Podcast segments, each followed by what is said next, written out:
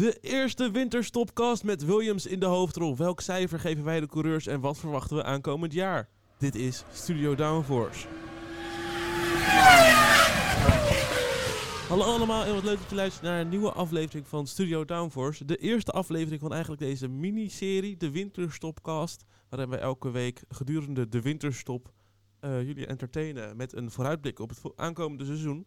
Dat doe ik niet alleen, dat doe ik samen met Elias. Hallo Bram. Hallo, hallo. En samen met Lies. Hey hoi. Hallo. Ja, wat gaan we nou vandaag doen in deze winterstopcast? Er zullen in totaal 10 van deze afleveringen online komen. We gaan elke week eh, vooruitblikken op een team. Een van de 10 Formule 1 teams die deel zullen nemen in 2023. Dat gaan we doen in omgekeerde volgorde van de constructeurskampioenschap van afgelopen jaar, dus van 2022. En daarom beginnen we vandaag met Williams. We zullen eerst terugblikken, cijfer geven, hoogtepunten, dieptepunten behandelen van Williams. En we zullen de podcast afsluiten met een vooruitblik op wat wij verwachten van Williams in 2023, wat er gaat veranderen in 2023 en wat Williams zelf verwacht van 2023. Nou, dat is best beknopt wat we gaan doen, hè? Zeker Ja. weten. Ja, goede uitleg. Ja, nou Elias, kom er heel snel in. Ja, vergeet ons niet te volgen, dames en heren en alle mensen die naar onze podcast luisteren. eh, op onze sociale media kanalen, want wij hebben sociale media.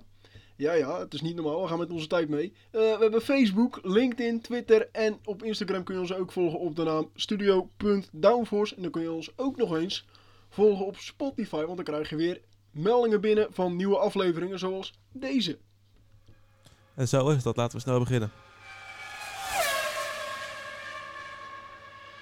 Goed, het seizoen voor Williams. Na 2020 hadden we toch wel enigszins, of 2021 moet ik zeggen, hadden we best wel hoge verwachtingen nog wel voor dit seizoen. 2021 scoorde natuurlijk eh, uiteindelijk best wel wat punten nog met Russell en Latifi. Nou, hoe is dat dit seizoen gegaan? Eh, Lies, wil jij de hoogte... We hebben een drietal hoogtepunten. Zullen we alle drie één doen of wil jij ze benoemen, de hoogtepunten? ik wilde wel de dieptepunten doen. Mag dat? Oké, dat mag ook. Eh, Elias, wil jij dan de hoogtepunten behandelen van Williams dit seizoen? Ja, nou ja, ze hebben wel een redelijk eh, aantal keren punten weer gescoord, net als in 2021. Mhm. Maar wat je in 2021 zag, was dat het toch nog wel een beetje. eh, ja, het, het moest wel goed vallen. Met een beetje geluk kon Williams dan punten pakken. We hebben gezien in Hongarije toen. eh, en in België, toen met die kwalificatie, toen Russell echt op de eerste rij zette naast Verstappen. Eh, dus dat zag je in 2021 eigenlijk gebeuren. Williams pakte wel punten, maar het moest allemaal net eh, goed vallen. En dan konden ze profiteren. En dat was dit seizoen toch wel anders. Ik had wel het idee dat zeker, eh, nou zeker, zeker weten Albon, die deed toch wel, deed, deed goed mee met het middenveld, zat in de mix en pakte verrassend genoeg gelijk al punten in Australië. Dat deed hij met een strategie die wel opvallend was. Hij ging heel lang door op de, eh, dan, dan moet je me even helpen Bram, op welke band ging Volgens hij mij heel de lang hardste band is hij, volgens eh, mij. In ieder geval, uitgere- kon ja. hij hem uitrijden in ieder geval. Hij reed bijna de hele race op dezelfde eh bandensoort. En stopte aan het eind van de race even en pakte gewoon nog punten. Ja, dat was één ronde voor het einde, ging toen naar binnen voor nieuwe banden, ja. Ja, fenomenaal gedaan. En voor Williams was dat de opmaat voor toch wel ja, posi- een positief seizoen, denk ik. Eh, een eh, nieuwe stap gezet. Latifi in de regenrace ook eh, in Japan negende geworden. Natuurlijk ook een beetje chaos. Maar wat ik ook al zei, daar moet je toch wel staan om ervan van te profiteren. Eh, Ja. Daarna ook nog, tenminste ik zeg erna, tussendoor ook, ook nog even Nick de Vries die Ja. inviel in Monza. Ja, ja, een Nederlander. Eh, hij moest eh, razendsnel kreeg hij te horen dat hij moest invallen. Hij stond er en profiteerde eh, van eh, nou de, de kans die hij kreeg. Pakte zijn kans en zit nu in de Formule 1 eh, voor 2023. Maar dat team gaan we later nog behandelen. Eh, Ja. ja. hij pakte dus gelijk punten bij zijn debuut. Nou, en Lies dan de dieptepunten van dit seizoen. Ja, ik ging helemaal stuk toen ik dit zag. De dieptepunten van dit seizoen eh, van Williams is eh, nummer 1, Latifi. ja, het is op zich eigenlijk wel duidelijk. Eh, hij heeft dit seizoen twee punten gescoord. En dat is dus die eh, regenrace in Japan. Ja, Mhm. het is gewoon, was een hele lijpe race. Eh, ja, mm, veldopvulling is, is Latifi. En toen dacht ik eigenlijk bij mezelf van, nou ja, dan heeft Albon heeft het voor mijn gevoel veel beter gedaan.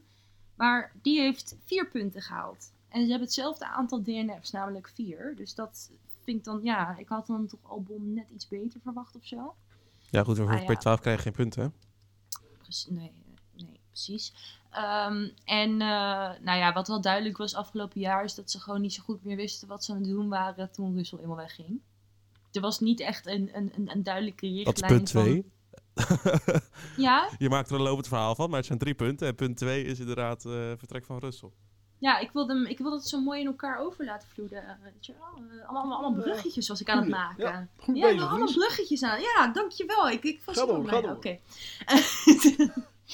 Eh, dus dat, uh, Russell ging weg en toen uh, hebben ze Albon daar neergezet. En ja, persoonlijk had ik nooit voor Albon gekozen, maar die was natuurlijk best wel goedkoop.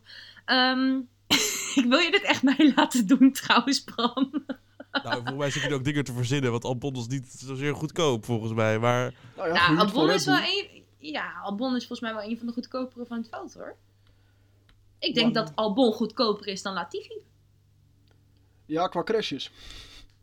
ja, ja Anyway, we gaan door. We gaan door. Er was gewoon niet echt een, eh, een duidelijke koers. En ehm, ik vind het eigenlijk wel zonde dat William- Williams als laatste is geëindigd. Want ik denk dat zij als negende hadden kunnen eindigen. Ja, en ik vind ook wel, wat je zegt inderdaad, ze hadden hoger kunnen eindigen, hadden meer eh, eruit kunnen halen, meer potentie. Dat had misschien eh, ja, gebeurd kunnen zijn met een betere coureur naast Albon. Ah, Maar nou ook ja, als kijkt meer naar risico. de punten van 2022 en 2021. 2021 zijn ze achtste geworden met 23 punten. Eh, en in 2022 dus negende met, nee tiende zelfs met 8 punten. En hoeveel, maar hoeveel van de 23 punten is Spa? Ja, precies. Eh, dus ik denk ook dat dat deels een vertekende beeld geeft. En ik denk ook dat Williams wel beter uit de verf kwam dit seizoen. Ja, eens. Ze eens hebben gewoon maar geen ik- coureur zoals Russell. Ja. Goed, de cijfers. Over coureurs we- gesproken. Ja, we moeten de, het, is, het is geen lange aflevering die we hier maken. Ik heb het idee dat we nu alweer enorm aan het uitlopen zijn. Eh, als eerste, Albon. Elias, wat was jouw cijfer? Ik heb hem een, een eh 7,5 gekregen bij zijn eh, comeback in de Formule 1 dit seizoen. Oké, Lies? Een 6,6. Ja, ik heb het bij een 6 gehouden, moet ik zeggen. Oké. Nou, het verbaast mij nog van je, Bram. Nou ik ja, dacht dat ik de negatieveling hier was. als je kijkt naar... Het was natuurlijk, hij is tegelijkertijd met Norris en Russell de Formule 1 ingekomen. En eh, als Albon echt op het niveau van Russell zat, had hij dit seizoen gewoon een beter jaar gehad qua punten. Denk ik. Dus het middenveld zat zo dicht bij elkaar. Ik denk dat Williams en helemaal Albon daar vaker van had kunnen en moeten profiteren. Ja. Toegegeven, in Monza, waar ze waarschijnlijk de beste kansen hadden dit seizoen, reed hij niet. Daar had hij ook waarschijnlijk beter kunnen scoren dan de Vries, denk ik. Omdat hij gewoon meer kennis heeft over de auto. Maar eh, al met al denk ik dat het veel beter had gekund voor Albon. Ben ik het mee eens. Ben ik het op zich wel mee eens, maar zeker... eh, toch, hij, hij vocht voor zijn laatste kans eigenlijk in de Formule 1 natuurlijk. Als het dit seizoen niet gelukt was bij Williams, als hij tegen was gevallen, dan was het exit Albon geweest. Nou, tegenover Latifi is hij wel veilig hoor. Ja, dat zeker. Dat helpt ook wel. Maar goed, over volgend jaar en hoe, de, hoe dan weer de vlag erbij hangt, daar hebben we het zo meteen over. Dan eh de rapportcijfers van Latifi. Lies, Een 2,6. Specifiek. Elias? Een 3. Ja, ik had een 4. Oh, je bent Als ook in- best positief. Best mild Ja, dat, ik vind het ook heel Nou, positief. sorry hoor. Een 4 best positief? Nou ja, positiever dan een 2,6. Ja, dat wel, ja. Deze man, Nicolas Latifi, rijdt op Japan. Een circuit waar hij het jaar daarvoor ook is geweest. Dat is niet waar. eh, het jaar daarvoor niet is geweest. Het Nou, daarvoor niet geval, geweest. In ieder Dus geval waar hij hopelijk wel een keer op heeft gereden en ook een simulator heeft gereden. Rijdt de verkeerde kant op op de baan. Ja. Waarom heb niet? Elias, ik denk dat jij hetzelfde had gedaan in zo'n Formule 1 auto. Nee, nee, nee, nee, nee. Ik had hem gewoon netjes over de baan gereden. En op de baan gehouden ook. Ja, ja.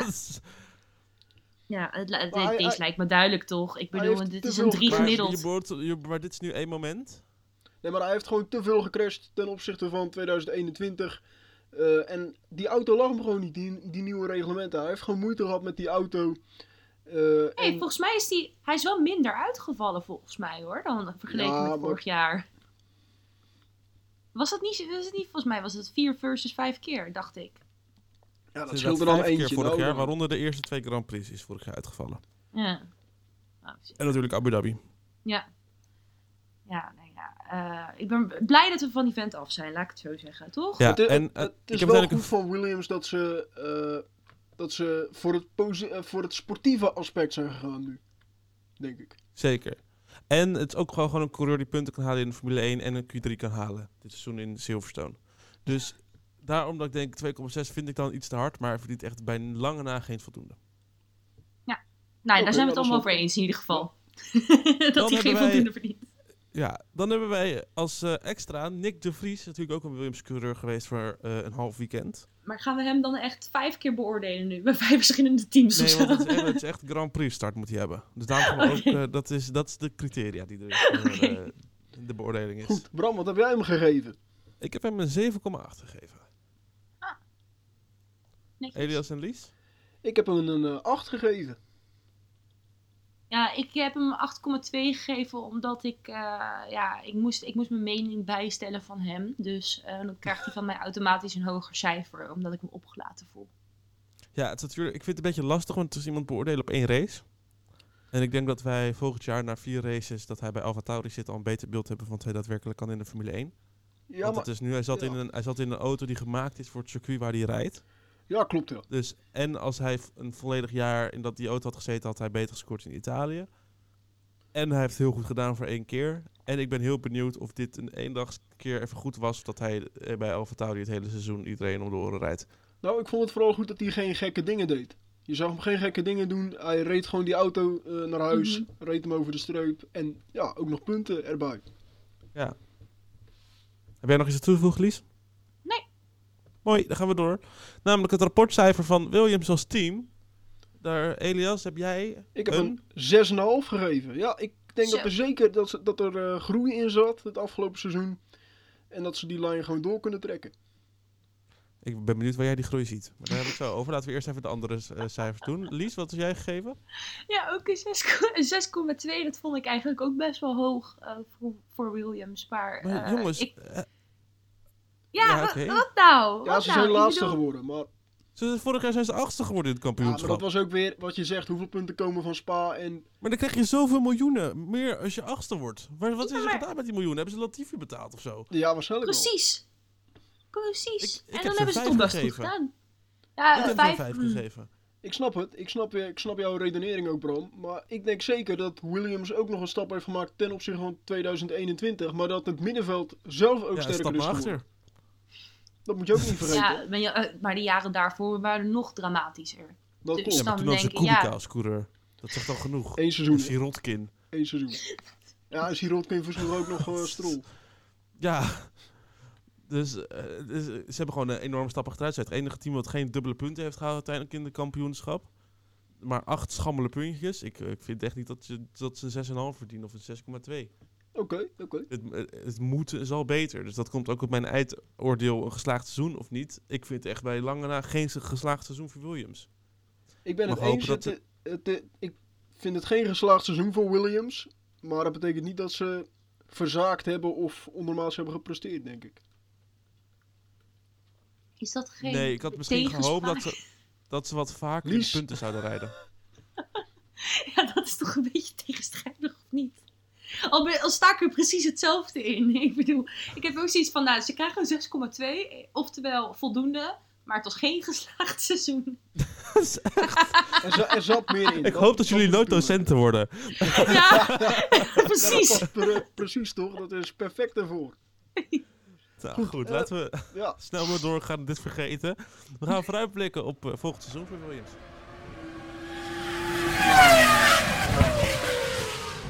Tja, voor volgend seizoen staat het nodige te veranderen bij Williams. Allereerst eh, de coureurs-line-up. Daar gaat, eh, is- vindt één wijziging plaats. Alexander Albon heeft zijn plekje behouden. Maar Nicolas Latifi moet plaats gaan maken voor Logan Sargent. Eh Lies, wat Ja, denk jij ervan? Ja, eindelijk hè, dat Latifi weg is. ja, dat, dat werd altijd.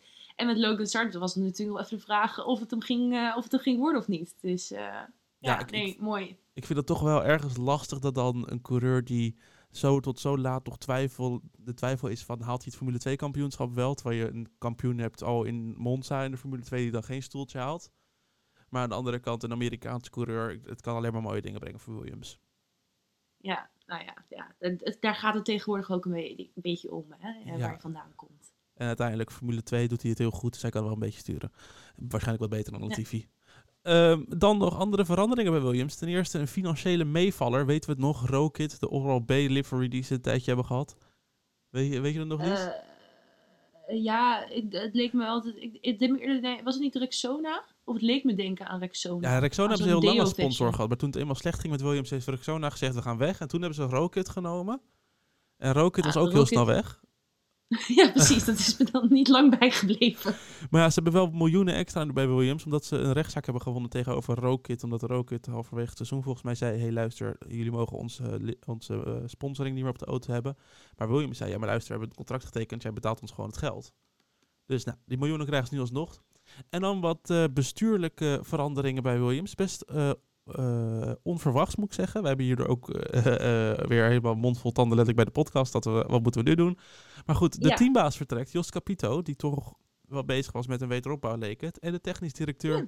François Xavier Demasson, of zo. Ja, ik ben blij dat jij dat moest uitspreken. de, ik weet dat hij in de Formule 1 heet hij FX Demanson. Dus daar waar, noemen we FX. ik. FX en Jos Capito. Die vertrekken allebei.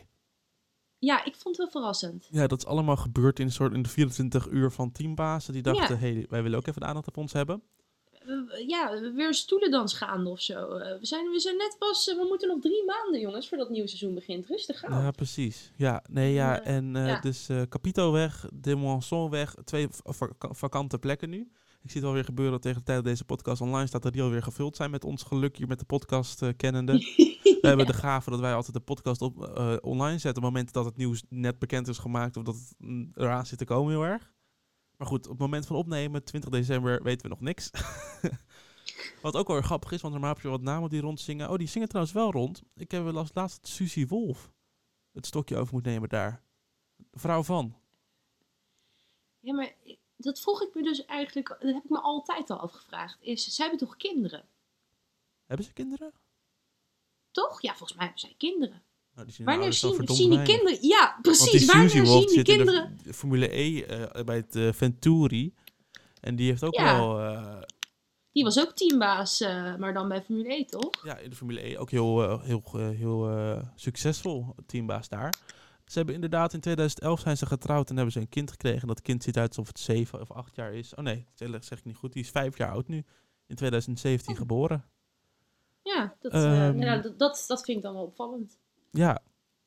Maar goed, eh, Susie Wolf wordt genoemd mede omdat zij eh, de meest recente vrouw is die deel heeft genomen aan een raceweekend. In 2014 de- maakte ze haar Formule 1 debuut als testcoureur bij Williams, toevallig. Ehm, en ze heeft eh, twee vrije trainingen in totaal gereden. Een soort van Nick de Vries, maar dan net wat anders. En eh, vervolgens in 2015 is ze daar weer gestopt met testcoureur zijn. En is ze dus teambaas geworden van Venturi Formula E-team. Waar ze ook aandeelhouder is. Nou, en daar doet ze het heel goed. Dus eh, het zou zomaar kunnen dat we Wolf en Wolf binnenkort in de Formule 1, 1 hebben. en weer een vrouw bij. Williams. Ja. Goed, wat verwachten wij van Williams? Lies, heb jij echt verwachtingen van ze? Natuurlijk nu laatste geworden dit jaar. Het kan alleen maar beter, denk ik. Ja, maar dat had ik eigenlijk met eh, Capito, met onze Yoshi. zal Yoshi Capito. Oh, Yoshi Capito. jammer, ja, maar daar, wauw, daar had wauw. ik het al wel mee. Dat ze, dat ze al het gevoel. Ja, ik, ik, ik, ik ben hier een beetje verbaasd. eh, Ja, over ik moet zeggen, want. Capito eh, heeft natuurlijk eh, in 2021 hele goede resultaten gehaald met het team. Een podium, een beetje gek podium in België, dubbele punten in Hongarije. Dus het leek wel weer Ja. de goede in de lift te zitten. Dat was dit jaar iets minder, maar ik denk dat vooral dat de concurrentie gewoon sterker is geworden. Dus, eh, eh, maar het zal wel weer, ik denk dat dit wel het grote gevolg is van dat Williams nu in handen is van aandeelhouders en die willen gewoon resultaten zien. En een soort, net zoals bij Ferrari, als de resultaten niet zijn, dan gaan koppen rollen. Ja, het zal me niks verbazen als dat, dat er iets mee te maken heeft dat eh, nu door Darlington Cap- Capital, dat die wel vinger in de pap hebben. Maar goed, het team zelf heeft ook niet zoveel verwachtingen, want voor tiende plaats, het kan alleen maar beter. En met Sargent moet maar gaan kijken hoe dat gaat. Dat is nog een beetje afwachten. Dus eh, ik denk dat we daar niet meer over aan toe te voegen hebben. Nee, ik denk het ook niet. Nee, binnenkort, eh, nou laten we dan maar gelijk afsluiten. Hè, want binnenkort hebben we, gaan we verder met de tweede aflevering van de Winterstopcast. We gaan de Alpha Tauri behandelen. Je hoort ons dus binnenkort weer. Eh, Elias, wil jij nog even vertellen waar ze dan precies die nieuwe aflevering dan kunnen vinden? Dan kun je ons volgen op Twitter, Facebook, LinkedIn. Je kan ons volgen op Instagram voor studio.downforce. Er komen weer leuke posts voorbij. Eh, en je kan ons volgen op Spotify voor de, Spotify, zo, voor de nieuwste afleveringen. Zeker doen. En zo is dat. Volgende week zijn we dus weer terug. Dan met een terugblik op de coureurs, teams en alles daaromheen van Alfa Tauri. Tot dan!